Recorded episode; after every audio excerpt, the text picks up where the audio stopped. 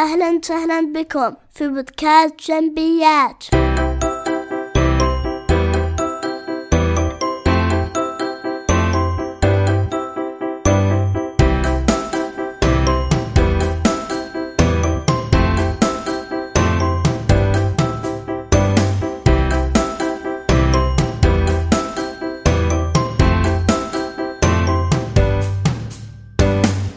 أهلا وسهلا بكم في حلقة جديدة من بودكاست جنبيات. الحلقة الثانية عشر.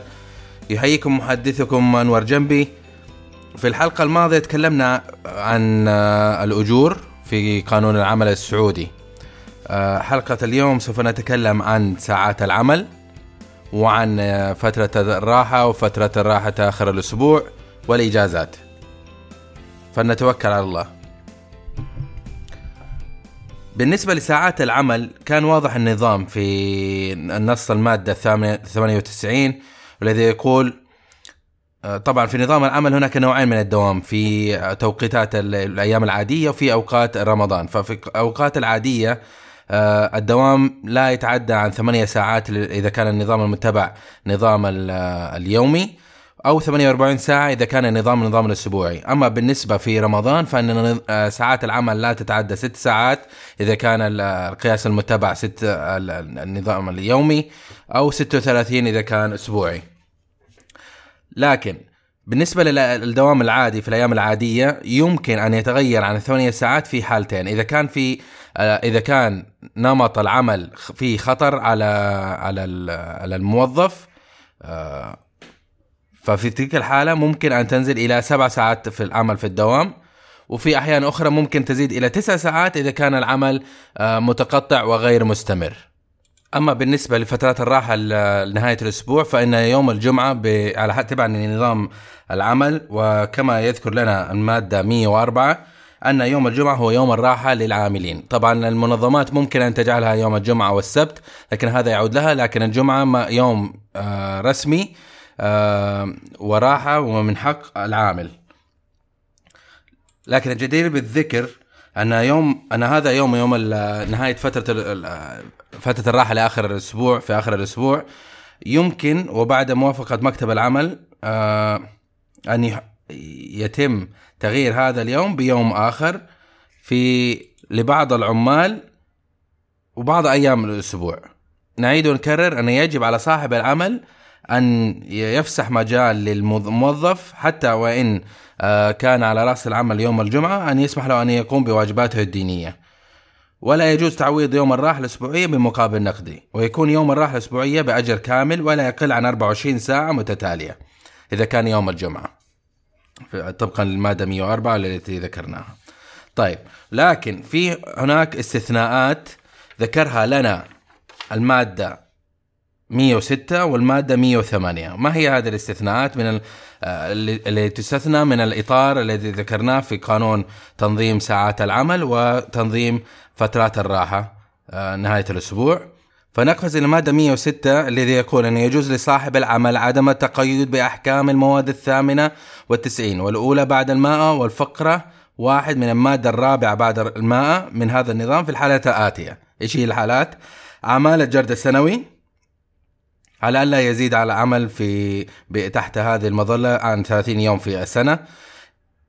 إذا كان عمل لمنع وقوع وقوع حادث خطر إذا كان تشغيل بقصد مواجهة ضغط عمل غير عادي أو إذا كان الأعياد في حالة الأعياد والمواسم والمناسبات الأخرى التي تكون بقرار الوزير ولا يجوز في جميع الحالات المتقدمة التي ذكرناها في هذه المادة 106 أن تزيد ساعة العمل الفعلية عن 10 ساعات في اليوم أو 60 ساعة في الأسبوع. يحدد الوزير بقرار منه الحد الأقصى لساعات العمل الإضافية يسمح بها في السنة. فنعود إلى المادة 101 101 يذكر لك طبيعة العمل يعني ذكرنا إحنا في سابقا كم عدد الساعات اليومية هي 8 ساعات في الأيام العادية أو 6 ساعات في أيام رمضان تزيد الثمانية ساعات هذه إلى 9 أو تقل إلى 7 لكن كيف يمكن توزيعها؟ هل هناك فترات راحة في أثناء الدوام؟ نعم. الموظف يجب أن لا يعمل خمس ساعات متتالية، فيجب أن يأخذ فترة راحة آه، ليقوم بالراحة والصلاة وتناول الطعام. وهذه فترة الراحة لا تقل عن نصف ساعة. ممكن تزيد طبقا لنظام المنظمة العادي ال- ال- ال- ال- نظام المنظمة لكن آه، من نظام من وجهة نظر نظام العمل لا تقل عن نصف ساعة ليقضي بحوائجه آه، الموظف. فتكون نصف ساعة مجموع خلال مجموع ساعات العمل بحيث لا يبقى العامل في مكان العمل أكثر من 12 ساعة في اليوم الواحد. يعني فترة واحدة أنا فترة راحة واحدة ولا يطبق أكثر ولا يعمل أكثر من 12 ساعة في الدوام الواحد. وفي فترة الراحة الموظف ليس تحت إمرة صاحب العمل وليس لصاحب العمل حق بإبقاء الموظف في مقر العمل. فممكن الموظف أن يغادر ال- المنشأة ليقضي حوائجه هو أيا كان وكيف يريد ثم يعود. أما بالنسبة لفترة راحة ال- يوم الجمعة آه، فهناك أيضا استثناء وهي طبقا للمادة 105 وتقول المادة 105 أن إذا كان صاحب مقر العمل في مكان بعيد عن عمران وفي الأعمال التي تتطلب طبيعة عمل وظروف التشغيل فيها استمرار العمل تجميع الراحات الأسبوعية المستحقة للعامل عن مدة لا تتجاوز ثمانية أسابيع. إذا اتفق صاحب العمل والعمال ووافقت على ذلك الوزارة. ويراعى في حساب مدة الراحة الأسبوعية المجمعة أن تبدأ من ساعة وصول العامل إلى أقرب مدينة يتوفر بها وسائل نقل وتنتهي ساعة العودة إليها. الآن انتهينا من ساعات ال- العمل وانتهينا أيضا من فترة فترة الراحة وفترة راحة نهاية الأسبوع. لكن أحب قبل أن أذ- أذهب إلى إلى الفصل الجزء الأخير الجزء آخر من البودكاست المواضيع التي نخطط نتكلم عنها اليوم وهو سوء فهم كثير من أخصائي ال- الموارد البشرية فيما يخص الفترات الراحة وفترات آه راحة نهاية الأسبوع. فترة نهاية الأسبوع والأعياد التي هي أيضا مدفوعة ومن حق ال- العمي ال- الموظف آه، هي أيام من حقه ومدفوعة. من حق الموظف أو العامل على صاحب العمل ويجب على صاحب العمل الإيفاء الاستيفاء أن يستوفي بها. لكن هناك لغط كبير وتتكرر وتتكرر مرارا وتكرارا ويقال أن ماذا يحدث إذا كانت الإجازة السنوية آه، تبدأ بعد آه، إجازة نهاية الأسبوع يعني يبدأ إجازته يوم السبت مثلا وكان يوم الجمعة ويكند آه، اللي هو إجازة نهاية الأسبوع. فنحسب الجمعة مع الإجازة على إنه من من رصيده لا يمكن ذلك. طيب ماذا إذا كانت إجازة قبل الإجازة نهاية الأسبوع قبل يوم الجمعة وتنتهي اجازته السنوية يوم الخميس؟ إذا نحسب الجمعة آه، من رصيد الموظف. أيضا هذا جاء خاطئ إجازة رسمية مد- م- من حق الموظف والإجازة السنوية اللي انت أنت وافقت عليها يا صاحب العمل هي من حق الموظف أيضا. لا يمكن حساب أو حساب عطلة نهاية الأسبوع مرتين على ظهر آه، الموظف ايا كان تبريرك. هذا إجراء خاطئ ومن حق الموظف. في هذه الحالة أن يعترض ويرفع أمره إلى هيئة الخلافات العمالية ليتم تعديل الوضع. وتم سؤال مكتب العمل. بخصوص هذا هذه النقطة مرارا وتكرارا وموجود على المدونة. رفعتها خطاب تحت موضوع آه، آه، لغز إجازة نهاية الأسبوع. وكان هناك كثير من ال- الشرح والتبريرات والتوضيحات. وأيضا هناك خطاب من مكتب العمل يوضح هذه النقطة.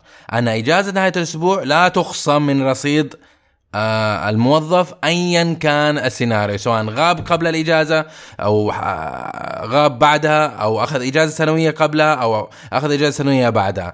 لا تخصم إجازة نهاية أسبوع من رصيد الموظف. الآن ننتقل إلى موضوع آخر وهي موضوع الإجازات. موضوع الإجازات موضوع شيق. لكن سنتطرق لأول مادة تحت هذا الفصل وهي المادة 109 حيث يشرح ويعطيك صورة عن ما هي إجازات نهاية الأسبوع. إجازة نهاية الأسبوع يقول أن للموظف إجازة سنوية لا تقل عن 21 يوم. وإذا كمل خمس سنوات خدمة عند نفس صاحب العمل فله من حقه عدد أيام لا تقل عن 30 يوم. طبعا نظام العمل في 109 لم يذكر أن هذا اليوم هل هو يوم عمل أم يوم عادي من التقويم لكن تم سؤال مكتب العمل عن هذه النقطة ووضحوا دون شك أن المقصود في النظام أن عدد أيام الإجازة السنوية التي من حق الموظف 21 يوم عمل لا تقل عن 21 يوم عمل. ثم لا تقل عن 30 يوم عمل إذا كان قد أكمل خمس سنوات متصلة مع صاحب العمل اذا هي 21 يوم عمل مع, مع بمعنى ان ليس من حقك مرة أخرى أن تقول أن له 21 يوم وتضمن داخلها أو يتخللها إجازات نهاية أسبوع اللي هي جمعة أو جمعة والسبت ايا كان نظامكم آه، في منظمتكم. فاذا هي 21 يوم عمل؟ إذا أخذ الموظف مثال إذا أخذ الموظف إجازة أسبوع آه، من الأحد إلى وداوم الأحد الذي بعده معناته تخصم من من رصيده عدد أيام عمل خمسة فقط وليس سبعة. الجمعة والسبت. لا تحسب من رصيد العامل إذا كان جمعة سبت هي من إجازات المعترف فيها في المنظمة ومن حق الموظف أو إذا كان الجمعة فقط آه، تحسب له آه، ستة أيام إجازة من رصيده فقط. وامل استوضحنا هذه هذه النقطة وهي جدا مهمة وكثير منظمات يقول لقد آه، في العقد نصيت إنه الإجازات السنوية للموظف هي 30 يوم وهي 30 يوم من التقويم وليست 30 يوم عمل. اذا آه، الخميس والجمعة تتخلله وتحسب من رصيده. لا هذا إجراء خاطئ. أنت نصيت العقد بطريقة خاطئة ولم تفهم بسبب جهلك بقوانين العمل وبسبب جهلك بهذا الباب من باب الإجازات الذي يعرف ويعطي للموظف حق بين دون شك. آه بالنسبة لمن يخالفني أو غير متيقن ممكن يعود للخطابات وللتدوين التي باسم آه آه لغز نهاية إجازة نهاية الأسبوع وأيضا لدي موضوع باسم الإجازات. ابحث في المدونة بكلمة إجازات تظهر لك ثلاثة تدوينات أو اثنين.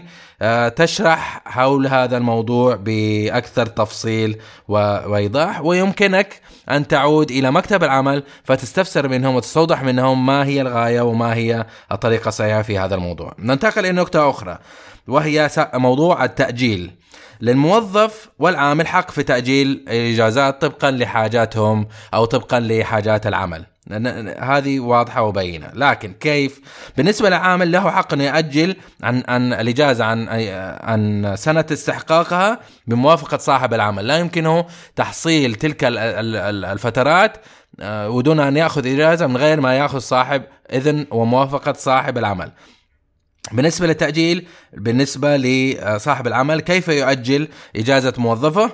من حق الموظف من حق صاحب العمل أن يؤجل إجازة الموظف 90 يوم عن سنة استحقاقها لكن في أي حال من الأحوال يجب أن يأخذ الإجازة قبل نهاية السنة التالية بعد استحقاقها. الآن في كثير من الموظفين يسألون في وسائل التواصل الاجتماعي ويتراسلون في جروبات الواتساب ويقول هل من حق الموظف صاحب العمل هل من حق صاحب العمل أن يستفرد في جدولة الإجازات ولأني أريد أن أخذها في رمضان لكن هو يقول لي أريد أن أريدك أن تأخذها في شوال. هل من حقه أن يجبرني أن أخذ إجازة في الفترات التي هو يراها مناسبا؟ الإجابة نعم. طبقا للمادة 109 المادة الفقرة 2 يقول يجب أن يتمتع العامل بإجازته في سنة استحقاقها ولا يجوز النزول عنها أو أن يتقاضى بدلا نقديا عوضا عن الحصول عليها أثناء خدمته. ولصاحب العمل أن يحدد مواعيد هذه الإجازات وفقا لمقتضيات العمل أو يمنحها بالتناوب لكي يؤمن سير عمله. وعليه إشعار العامل بالميعاد المحدد لتمتعه بالإجازة بوقت كافي لا يقل عن 30 يوم. أعيد وأكرر. هذا النص الذي قرأته الآن يأتي تحت المادة 109 الفقرة 2 آه في سؤال آخر سيناريوهات آخر أخرى. في نقاش في على واحدة جروبات الواتساب يقول المدير الموارد البشرية كان كان يقول أن هناك موظف من جنسية عربية أتانا فقال أنا في حاجة المادة ولا أستطيع أن أسافر بلدي أصلا ف وأحتاج تلك المادة وعندي رصيد تقريبا 60 يوم أريده آه، أريده نقدا فخذوا إجازتي وأعطيني نقدا فوافقوا آه، فوافق صاحب العمل كنوع من الدعم لهذا الموظف. هذا ليس دعم هذا استغلال للموظف وحاجته. من حق الموظف أن يذهب الإجازة ليستمر بصحة ذهنية وبدنية ويرجع لك نشيط. ليس من حقك في أي حال من الأحوال وإن كان الموظف وإن كان الموظف هو موافق وهو الذي طلب ليس من الإجراء أنك تحول الاجازات بدون أخذها إلى إلى نقد وتعوضه هذا إجراء خاطئ. ويمكن أن يأخذ فيها ردة فعل من مكتب العمل إن علم بها. الآن بالنسبة في حالة استقالة الموظف أو أنهي العقد. في حالة مغادرة الموظف من من المنظمة ماذا يحدث؟ المادة 101 يقول أن العامل حق في الحصول على أجره عن أيام الإجازة المستحقة إذا ترك العمل قبل استعماله لها وذلك بالنسبة إلى المدة التي لم يحصل على إجازته عنها كما يستحق أجره الإجازة عن أجزاء السنة بنسبة ما قضاه منها في العمل. بمعنى أن الموظف إذا غادر المنظمة يعوض برصيده آه، نقدا كجزء من مستحقاته آه، عند انهاء العقد أو الاستقالة وحاله مغادرته. وللإيضاح لكل عامل الحق في إجازة بأجر كامل في الأعياد والمناسبات التي تحددها اللائحة وهذا ما ينص عليه المادة 112. الأعياد والمناسبات أيضا هي أيام آه، إجازة مدفوعة من حق الموظف. إذا أخذ إجازة قبل العيد إذا أخذ إجازة بعدها إذا غاب قبل العيد إذا غاب بعدها لا تخصم الاعياد من رصيد الموظف. ايا كان تخصم عليه يوم الغياب وتتابع إجراء تبعا للنظام وليس تبعا للنظام الذي تراه أنت. الأعياد من من حساب آه، من حق الموظف وليس من حق آه، صاحب العمل أن يجازيه لأنه غاب قبلها أو غاب بعدها هذا ظلم وهذا مضاعف العقاب وخارج عن نظام العمل ويمكن للموظف ومن حقه أن يذهب إلى إلى مكتب العمل ثم آه، يرفع الأمر إلى هيئة المخالفات العمالية لتوضيح الأمر وتعديله وأخذ حقه إن كان له حق. بالنسبة للمادة 100 آه عفوا 113 للموظف حق إجازة خمسة أيام في حالة وفاة زوجه أو أحد أصوله أو أو, أو فروعه. ما هي الأصول؟ ما, مف... ما ما تعريف الأصول؟ الأصول هي الأب والجد والأم والجدة فقط. العمة ليست أصول، الخالة ليست أصول. العم العم ليس أصول. وهلم جر. طيب وما هي الفروع؟ الفروع هي الأبناء وأبنائهم وين سفلوا، يعني الأبناء والذرية أي سلالتك اللي تحتك إذا توفى أحد منهم فلك إجازة خمسة أيام وهذا ما يعترف به نظام العمل. وأيضا إذا حدث حالة ولادة حضر له مولود فله ثلاثة أيام. لكن في طبقا لهذه المادة يحق. لصاحب العمل أن يطلب الوثائق المؤيدة للحالات المشار إليها. وهكذا انتهينا من موضوع المية 113 الآن ننتقل إلى مادة أخرى وهي الإجازة لمن هم منتسبين في آه منتسبين في آه منظم في جامعات وكليات لإكمال تعليمهم وبينما هو يعمل وهو على رأس العمل. فماذا يحدث في هذا آه السيناريو؟ آه النظام العمل عن تحديثه بإصدارته الجديدة لسنة 2016 عدل هذا المنظور كان أول غامض بحيث إنه كأنه يقول آه، يجب على صاحب العمل أن يعطيه إجازة ولم يحدد التفاصيل وصار هناك خلافات والمنظمات والشركات وأصحاب العمل بدأوا في تأليف قوانينهم الخاصة. لكن الآن النظام 115 يقول بدون شك أن إذا وافق. الآن لك يا يا منتسب لك حق. بان تاخذ إذا اجازه في حالة واحدة. إذا وافق صاحب العمل عن انتسابه لمؤسسة تعليمية أو قبل استمراره فيها الحق في اجازه بأجر كامل لتأدية الامتحانات. متى؟ عن سنة غير معادة. يعني اذا إذا عدت السنة هذه راحت عليك هذه من رصيدك.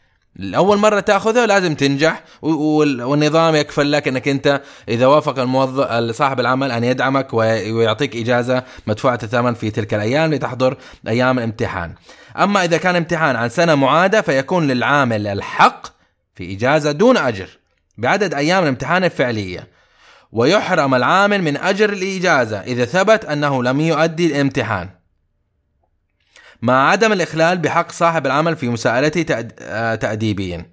الآن بالنسبة ل إذا إذا كان صاحب إذا كان الموظف آه، أول مرة لسنة جديدة غير معادة يحضر اختبار وموافق صاحب العمل فلا من حقه إجازة مدفوعة. لكن إذا كانت السنة معادة فلا يمكن لصاحب العمل أن يقول لا لا لن أوافق لك أن تذهب إلى الامتحان وتعسا لك وبئسا لك سوف ترسب هذه السنة ويجب أن تعمل. لا ليس من حقه أن يبقيك في في في المقر.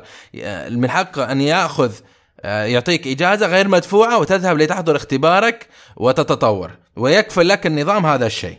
وليس من حقه أن يحرمك أن تحضر امتحان أيا كان. إذا وافق يعطيك إجازة. إذا لم يوافق تأخذ إجازة غير مدفوعة أو إذا كانت سنة معادة تأخذ إجازة غير مدفوعة. إذا م- يحصل العامل على موافقة صاحب العمل على انتسابه لمؤسسه تعليميه فله أن يحصل على إجازة لتأدية الامتحان بعدد أيام الامتحان. يعني إذا ما وافق صاحب العمل أنك أنت تنتسب في هذه الحالة جاء اختبارك إيش تسوي؟ هل من حقه انه يقول لك لا لا ما تحضر؟ لا من حقك إنك تحضر هذا الاختبار ومن حقك إنك تأخذ إجازة من رصيدك إذا كان عندك رصيد وإن تعذر ذلك يعني ما عندك رصيد فللعامل أن يحصل على إجازة دون أجر بعدد أيام الامتحان الفعلية. على العامل أن يتقدم بطلب الإجازة قبل موعدها ب 15 يوما على الأقل. عشان ما يكون وضعك نظامي يا موظف قبل اختبارك ب 15 يوم. قبل الاختبار ب 15 يوم يكون جدول الاختبارات طلعت انت عارف إيش جدولك تبلغ صاحب العمل وتعطيه هذا حتى يضبط هو جدوله والمهام بين الموظفين دون آه، تأثير على مجريات العمل. لصاحب العمل أن يطلب من العامل تقديم الوثائق المؤيدة لطلب الإجازة وكذلك ما يدل على ادائه للامتحان المادة السادسة عشر بعد الماء. أن يجوز للعامل موافق بموافقة صاحب العمل الحصول على إجازة دون أجر. يتفق الطرفان على تحديد مدتها ويعد عقد العمل موقوفا خلال مدة الإجازة فيما زاد على 20 يوم. ما لم يتفق الطرفان على على خلاف ذلك. إذا صار ظرف والموظف أحتاج أن يسافر أو يغيب لمدة معينة يجي ويرجع لصاحب العمل ويشرح له ظروفه. وإذا قبل صاحب العمل يعطيه إجازة غير مدفوعة. لكن في هذه الفترة هل هل يحميه العقد بشروط العقد أيا كان؟ هذه الفترة تعتبر العقد موقوف. ليست في صالحك. لكن أنت معرف أنك أنت ضمن هذه المنشأة وفي إجازة وسوف تعود له. هذا لا خلاف فيه. بالنسبة للمادة 17 بعد الماء للعامل الذي يثبت مرضه الحق في إجازة مرضية كيف الإجازة المرضية؟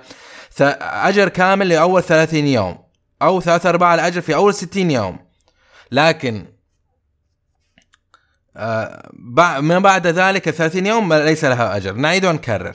أول 30 يوم لك أجر كامل آه، ما بعد ذلك اللي هي 60 يوم لمدة 60 يوم التالية تأخذ ثلاثة أرباع الأجر و30 يوم اللي بعدها تأخذ دون أجر. هذه إجازتك المرضية التي يمكن أن تتمتع بها سواء كانت إجازة مرضية متصلة أو متقطعة. سواء كانت إجازة المرضية الأيام تلك متقطعة أم متصلة وهذا كله يجرى في فترة سنة واحدة. ما المقصود بالسنة الواحدة؟ السنة الواحدة هي سنة واحدة من من تاريخ أول إجازة مرضية أخذه. فمعناته بعد سنة كاملة إذا جاء رجع وغاب مرة ثانية بسبب غي... آه، آه، يعني بسبب آه، عذر طبي أو إجازة مرضية فيأخذ أجر مرة أخرى آه، أجر كامل لأول 30 يوم. وهلم أجر. وهذا مكفول في النظام. كفانا الله وإياكم من الأمراض وسوء ال- ال- العافية. المادة الأخيرة التي نحب نتكلم فيها اليوم تقول لا يجوز للعامل أثناء تمتعه بأي من إجازاته المنصوصة عليها في هذا الفصل أن يعمل لدى صاحب عمل آخر. ما يصير. تأخذ إجازة وتروح تشتغل في الحج. ما يصير تشتغل تاخذ إجازة وتذهب إلى شركة منافسة فتعمل لديه لتحاول تحسن وضعك المالي. هذا لا يجوز وهذا غير أخلاقي أصلا. فعموما الهدف من الإجازات أن تسمح للموظف أن يقوي يرتاح ويسترخي ويرجع للعمل بنشاط. لكن أما أنك تأخذ إجازة وتذهب للعمل في مكان آخر هذه مخالفة ومن حق صاحب العمل فإذا ثبت صاحب العمل أن عامل قد خالف ذلك فله أن يحرمه من أجره من مدة الإجازة. أو يسترد ما سبق أن أداه إليه من ذلك الأجر. يعني إذا عرف عنك صاحب العمل من حقه أن آه، يعطيك يخصم منك الفترة آه، الراتب في في ذيك الفترة. معناته أنت طلعت كأنك غياب بدون أجر. اللي صار. إذا أنك أنت رحت اشتغلت مكان ثاني. صاحب العمل درى آه هو أصلا إنه الإجازة تأخذ راتب لا يسحب الراتب يصير أنت في هذيك الفترة بدون راتب.